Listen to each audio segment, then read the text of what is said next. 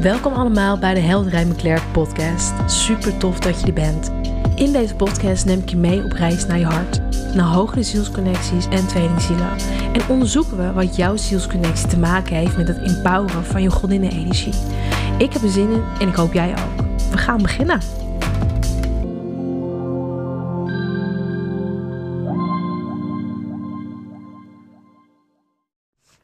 Welkom allemaal terug op de podcast van Helder McClair. Super tof dat je weer luistert. hey, we gaan dus even, we gaan even het nieuwe jaar even goed beginnen. 2022 was een behoorlijk omploegjaar.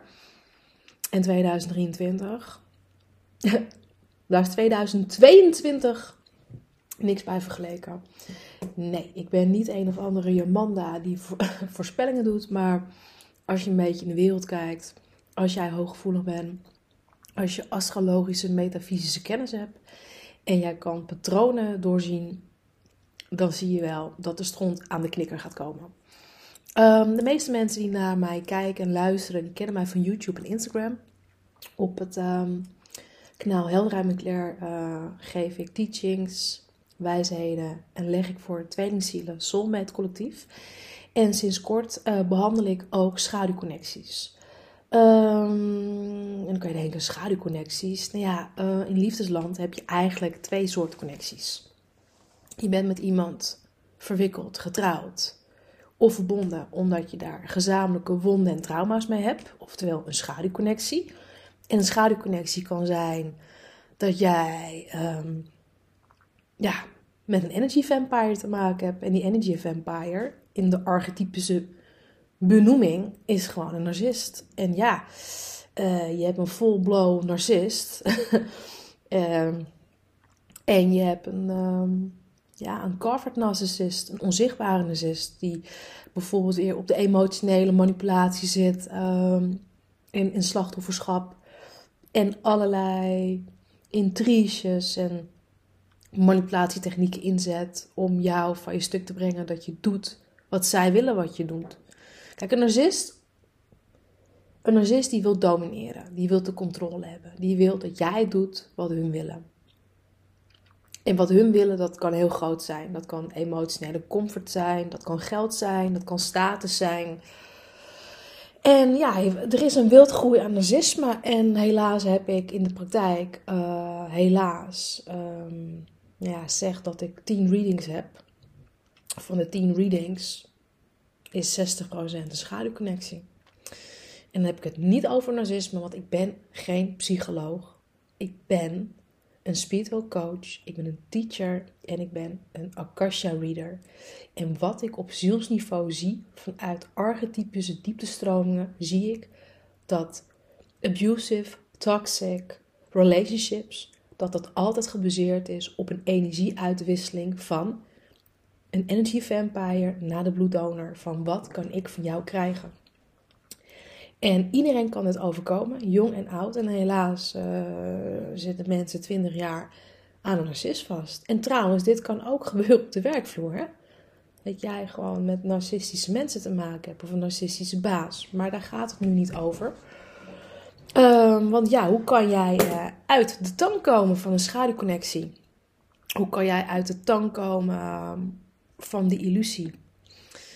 Um, wat eigenlijk mensen gevangen houdt in een situatie. En laten we even de liefde nemen, omdat ik daar eigenlijk uh, over les geef.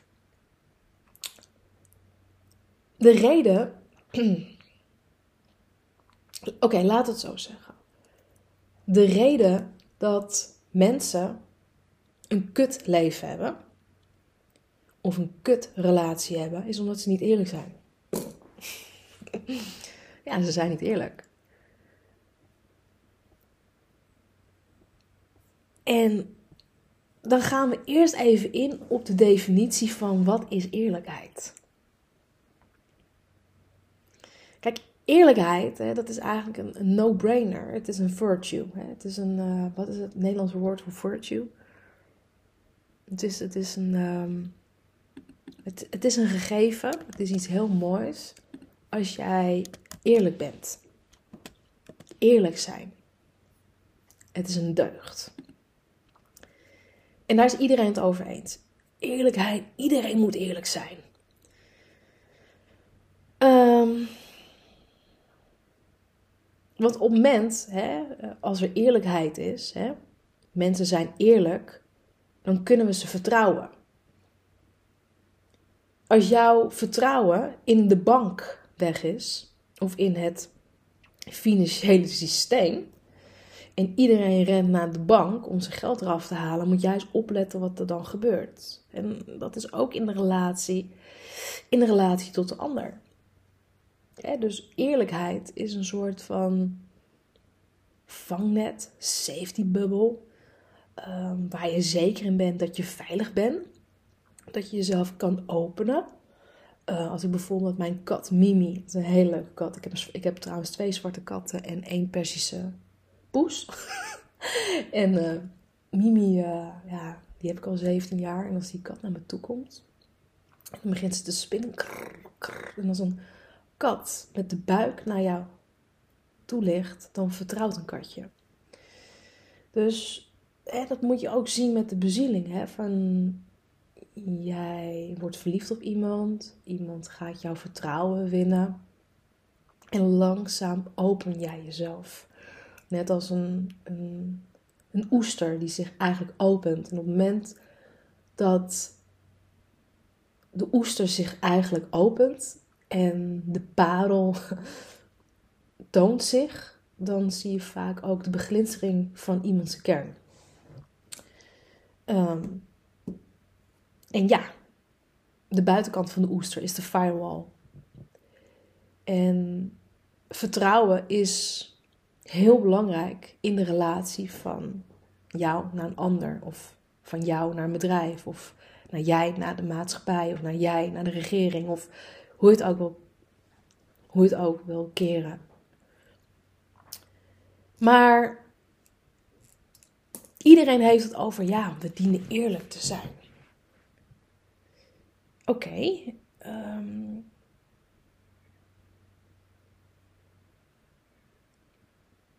we vinden integriteit heel belangrijk, loyaliteit, eerlijkheid. Ehm, dat we, ehm, hoe zeg je dat? Dat we niet liegen, dat we niet de boel bedriegen, want dat is niet eerlijk zijn. Oké, oké. Oké, dus niet liegen en hè, stelen is ook een vorm van, van dat je niet eerlijk bent, dat je de boel bedondert. We zijn het over uit dat liegen en de boel bedriegen, dat dat niet kan. Dus we moeten ons aan bepaalde normen houden. Van in een monogame relatie ehm, hebben wij besloten om bij elkaar te zijn.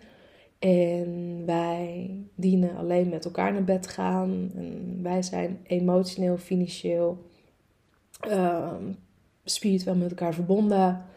Gij zal niet liegen. We spreken de waarheid naar elkaar uit. ja, kijk, je hoort hem al. Je hoort me al lachen wist je dat mensen die vreemd gaan, het buiten de deur zoeken, um, bijvoorbeeld al niet eerlijk zijn, wat ze in het diepste van hun kern eigenlijk van de ander vinden, of dat ze in het diepste van de kern niet gelukkig zijn met een situatie. En dat ze het gemis of de compensatie vanuit gemis of boosheid dan in de buitenwereld zoeken om de balans eigenlijk weer stabiel te krijgen. Dat ze weer door kunnen met de orde van de dag. En dat is echt een hele diepe doordenken, hè, wat ik nu zeg. Kijk, en je kan het bij mij eens zijn of niet. Hè? Dit is een gedachtenspinsel. Ik, ik ben altijd iemand die heel erg met gedachten experimenteert en over dingen nadenkt. En ik wil niet zeggen dat ik een, een filosoof ben. Ik, ik probeer je even mee te nemen. Zodat we zo meteen de puzzelstukjes in elkaar kunnen lijmen. Dat jij veel eerlijker in het leven kan staan om jezelf te bevrijden en uit die kutsituatie te ontsnappen. Kijk, ik wil gewoon, ik, mijn ego, hè, wat in dienst is in deze matrix in lijn met mijn hogere zelf en mijn hart. In deze identiteit als Claire van Rijk. Ik wil heel graag dat jij uit je fucking matrix losbreekt. Want al was jij heel eerlijk geweest hè, tegen je partner of tegen die baas. Had jij dan de waarheid uitgesproken wat jij in het diepste voelde? Of wat het probleem was? Dat jij die fucking olifant in de kamer kan benoemen. Dat je zegt, luister, ik vind jou gewoon een vieze vuile klerenleier. Ik denk ja, dat jij een psychopathische baas bent. En dat jij de boel onderdrukt. En ik moet op eieren lopen. En je behandelt me als een klein kind. En mijn hele volledige autonomie wordt uit handen genomen. Omdat je over mijn schouder kijkt. Wat voor tekst ik schrijf. Back the fuck off. Wow. Dat zou eens bevrijdend zijn als je dat kon zeggen. En dat die ene baas of die chef of die uh, marketingleider een stapje naar achter doet van wow, oké, ik zit dus in jouw space. En dat je zegt, ja, zo kan ik niet werken. In plaats van het gekronkel met andere collega's of gekronkel met vriendinnen dat je vindt uh, dat je aan iemand irriteert. Of het gekronkel dat je um, buiten de deur snoept bij je fuckboy of je sidechick. Omdat je gewoon de ballen niet hebt om tegen je wijf of vent te zeggen wat er in het diepste wat jij vond. Als we eerlijkheid nou eens vanuit die kan benaderen. Hè? En dat we het als een, als een gezonde sociale construct zien. Wat ons misschien drijft of wat ons veiligheid geeft. Gaat het eigenlijk dat wij alleen intiem en goed met een ander door een deur heen kunnen als we inderdaad volledig eerlijk zijn en dat we alles kunnen benoemen wat er in ons opgaat, ten goede en niet ten goede? Dat zou eens bevrijdend zijn. Denk je niet? Weet je, wij hebben geleerd, hè, en ik ben met een, met een serie bezig, Hek je karma, hek je leven. En dan ga ik eigenlijk in over hè, hoe je je karma kunt hacken en daarmee je leven. Maar karma is leven en leven is karma. En karma is gekoppeld met de wet van oorzaak en gevolg. En je hebt reactieve karma en je hebt bewuste karma. En die reactieve karma, um, ja, daar gaat het eigenlijk mis. Sorry, ja, ik heb aan de lopende band. Uh, uh, sorry hoor, ik doe het allemaal even tussendoor. Um, die reactieve karma, daar zit eigenlijk de crux. Omdat de reactieve karma eigenlijk de onbewuste patronen en gedragingen zijn. Uh, wat komt uit je vroege jaren. En die wil je even meenemen. Toen je nog twee, drie, vier, misschien wel vijf jaar oud was. Weet je nog dat je nog heel klein was bij papa en mama? En wat moest ik doen dat mijn ouders voor mij, mij gingen voeden, of mij lief gingen hebben, of me kleding gaven, of me naar school brachten? En misschien was je daar nog niet bewust van, dat je twee, drie, vier, vijf jaar oud was. Maar rond de leeftijd van zes, zeven, dan, dan ga je eigenlijk al gedragingen vertonen, patronen dat je misschien jezelf al onzichtbaar maakte, zodat je de dans kon ontspringen, omdat je lijpe geflipte vader in een cup bij was.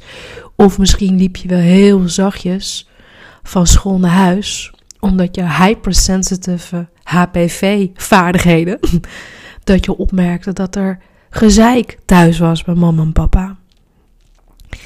En heb je deze emoties, die waarschijnlijk nog steeds een onderdeel is van jouw overlevingsmechanisme, hè, en we gaan niks shamen, dat je dat nodig had om te kunnen overleven, om geaccepteerd te kunnen worden en liefde te kunnen ontvangen. En stel nou dat je deze manipulatieve patronen nog steeds toevoegt om iets naar je hand te kunnen zetten. Zijn we dan wel echt heel eerlijk? Deze laat ik even open. Maar als we heel eerlijk mogen zijn, hè. Mijn kat die loopt te janken, die wil naar binnen, maar ik ga er niet naar binnen brengen. um, als we heel eerlijk mogen zijn, hè. Heel veel mensen zijn niet eerlijk Omdat ze weten op het moment dat ze eerlijk zijn, dat ze niet krijgen wat ze willen. Ja, als ik op dit moment een grote mond tegen mijn moeder geef, als ik het eigenlijk niet met haar eens ben, dan ga ik gezeik krijgen. En op het moment dat papa straks thuis komt met avondeten, uh, dan krijg ik de hele boel over me heen. Laat ik maar een beetje ja en nee knikken. En ondertussen, als iedereen slaapt, dan klim ik uit het raam. Uh, gooi ik mijn hakken over de schutting. Stap ik bij hem op de scooter. En dan gaan we lekker naar de koffieshop of zo. Ik zeg maar wat, hè? um, ja. Dan dat je eigenlijk had kunnen zeggen van... Mam, je bent gewoon een fucking control freak. Um, mij onderdrukken. Dit en dit en dit. Ik voel dat ik deze behoeftes heb. Maar stel dat jij nooit de gelegenheid gehad hebt dat je überhaupt over jouw behoeften kon spreken. Dat je bijvoorbeeld al werd monddood werd gemaakt. En dat jij deze overlevingstechnieken, dus een leugentje voor een eigen best wil, of halve waarheden vertelt, in jouw huidige relatie toepast. Omdat je bang bent dat je afgewezen wordt. Of dat je bang bent om alleen te zijn. Om het relatiedynamiek naar je hand te kunnen zetten. Wat weer resulteert in negatieve karma. Want karma is niks anders dan een record trader die jou eigenlijk weer terug op de pad van de ziel zet. En de pad van de ziel, dat gaat altijd over transparant zijn. Waarheidsgetrouw naar jouw waarheid en naar jouw lichgeometrie handelen. Wat in de hoogste lijn is met jouw bezieling. Dat is waarheid. Niet de waarheid van een of andere corrupte regering of een corrupt bedrijf of een geflipte narcistische partner of de status quo. Um, want we dienen dat wiel van waarheid voor onszelf te ontwikkelen. Je autonomie zonder bemoeienis van een ander. In waarheidsgetrouw met jezelf. En wat waarheidsgetrouw is met jezelf, is ook waarheidsgetrouw met een ander. Want zo werkt de kracht van liefde. Liefde is nooit verbonden met vernietiging. Haat wel. Dat even tussendoor gezegd willen hebben. Denk ik als we deze narrative een beetje zo uit een brain fart, hè? dus dit is een brain fart, handel jij dus wat de meest veilige manier is binnen de kaders van jouw construct.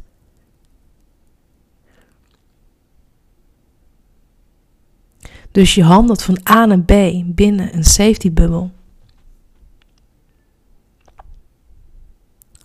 Omdat je bang bent, love bent, manipulatief misschien bent, om echt je ware emoties te doorvoelen. Wat in de schaduw van de donkere kastjes in jouw gedachten, in jouw systeem ronddruist. En hier ga ik mensen mee triggeren. Wij kunnen alleen karma ombuigen als we de ballen hebben om de schaduw aan te kunnen kijken. En de schaduw aankijken, het gaat over dat wij zonder schaamte, zonder veroordeling, bij dat rotgevoel kunnen blijven.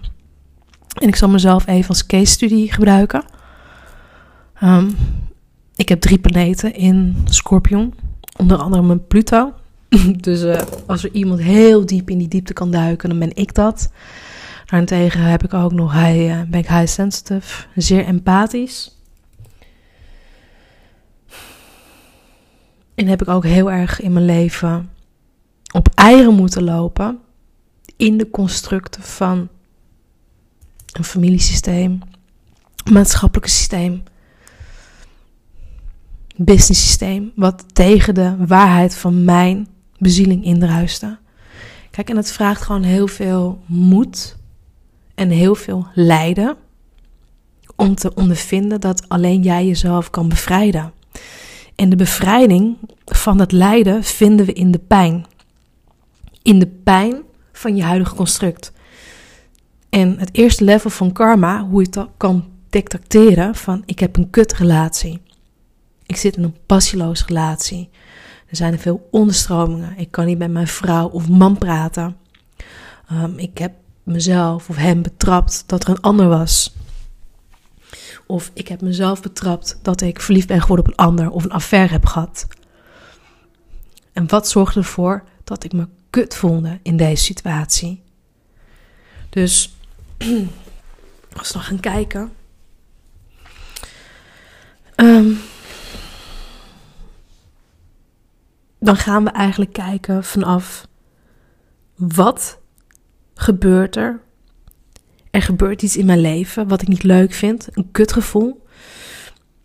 En die lokaliseren vanuit de mind. En we gaan naar het emotionele level van waarom voel ik dit? Waar komt dat rotgevoel vandaan? Wat gebeurt op emotioneel lichaam met mij? En vanuit het emotionele lichaam ga je naar een psychologisch level. En het psychologische level, dat gaat over de ego-fragmentatie of de ego-reframing. Of de verwonding vanuit het ego.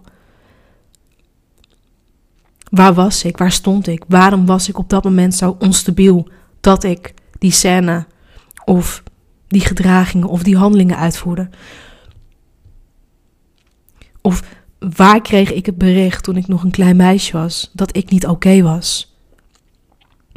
Waar, waar was het moment dat ik niet in mijn authenticiteit kon staan? Dat ik weggevaagd werd, waardoor ik een overlevingspatroon toevoegde om te kunnen voortbestaan. Om me psychologisch staande te houden. En dan kom je vaak ehm, bij angels, wat in familiekarma en familiesystemen zitten. En dan kom je op een gegeven moment bij een copingmechanisme. Een copingmechanisme wordt vaak in de schematherapie uh, aangeduid als je overlevingsmechanisme om je kindmodi uh, binnen een kader te handhaven. Hè, dus een, dus een copingmechanisme is vanuit spiritueel inzicht de kras op de ziel. Um, hoe je met een situatie omgaat als copingmechanisme. Dus um, je heel klein maken of het onzichtbare meisje. Of heel boos worden. Als copingmechanisme om, om te kunnen gaan.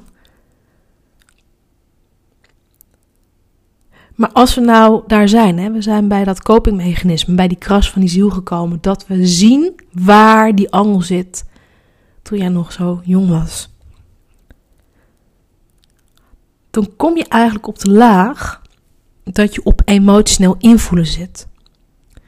En heel vaak wordt er gezegd: gedachten maken emoties. Nee, emoties, energetische energieën wakkeren de mind aan. Want we gaan van voor naar achter werken. En dat is een diepe doordenker. Wanneer iets in 3D gemanifesteerd is, is het al ingedaald van de hogere sferen naar materie. Ja? Licht, geluid wordt licht, licht wordt densiteit. Tussen licht en densiteit zit nog een heel scala van energiedensiteiten spiritual body, mental body, de emotionele body. En daarna komt het naar het fysieke lichaam. Dus energie is altijd eerder dan fysieke materie. Vandaar ook de uitspraak: energy doesn't lie. Dus jij voelt als jij tegenover je partner aan een tafel zit en iemand glimlacht, terwijl je voelt dat er onder die glimlach heel iets anders woekert dat die onderstromingen misschien op de werkvloer met hele leuke collega's die in je gezicht lachen en achter je rug voel je hele andere onderstromingen. Dat dat zo'n kutsituatie, dat je zo'n kutgevoel erin kan hebben. Dat je op een gegeven moment op het punt komt dat je dan in de emotionele leugen moet gaan leven. En op het moment dat we in de emotionele leugen moeten gaan leven, dan komen allerlei patronen, mechanismes om de hoek om ermee te kunnen kopen. En misschien pak je inderdaad die fles. Of inderdaad ga je vreemd en misbruik je andere vrouwen in de DM op Instagram of whatever. Om je kick te kunnen krijgen. Maar heb je de ballen niet om je wijf te vertellen dat het een gebakje is en dat je eigenlijk van de af wil. En dat je misschien beide bent voor de kinderen en geld. En dat jij een open relatie wilt. En dat je het helemaal anders wil doen. Misschien had je dat eerlijk verteld, waren al die bullshit, karmatische loops en uitzaaiingen vanuit dat stukje niet voortgekomen. Dus ja, nogmaals. Waarom zitten de meeste mensen in een kutrelatie of in een kutsituatie? Omdat ze niet eerlijk zijn naar zichzelf. omdat ze niet eerlijk hun gevoelens en hun emoties onder ogen komen en daar gehoor aan geven. En door alleen maar naar te kijken en het doorvoelen en je de vraag te stellen: wat voel ik? Wat gebeurt er met mij? Wat wil dit zeggen? Wat wil mijn emotie over deze situatie zeggen? Komt er een hele andere realiteit omhoog dan dat de oppervlakte en de gevestigde orde zogenaamd laten zien? Want de onderstroming is altijd onder water. Onthoud dat. Energie ligt niet. Voel het in wat het emotioneel met je doet. Voelen. Eerst voelen, dan zeggen en dan zien wat er gebeurt. Tot de volgende keer.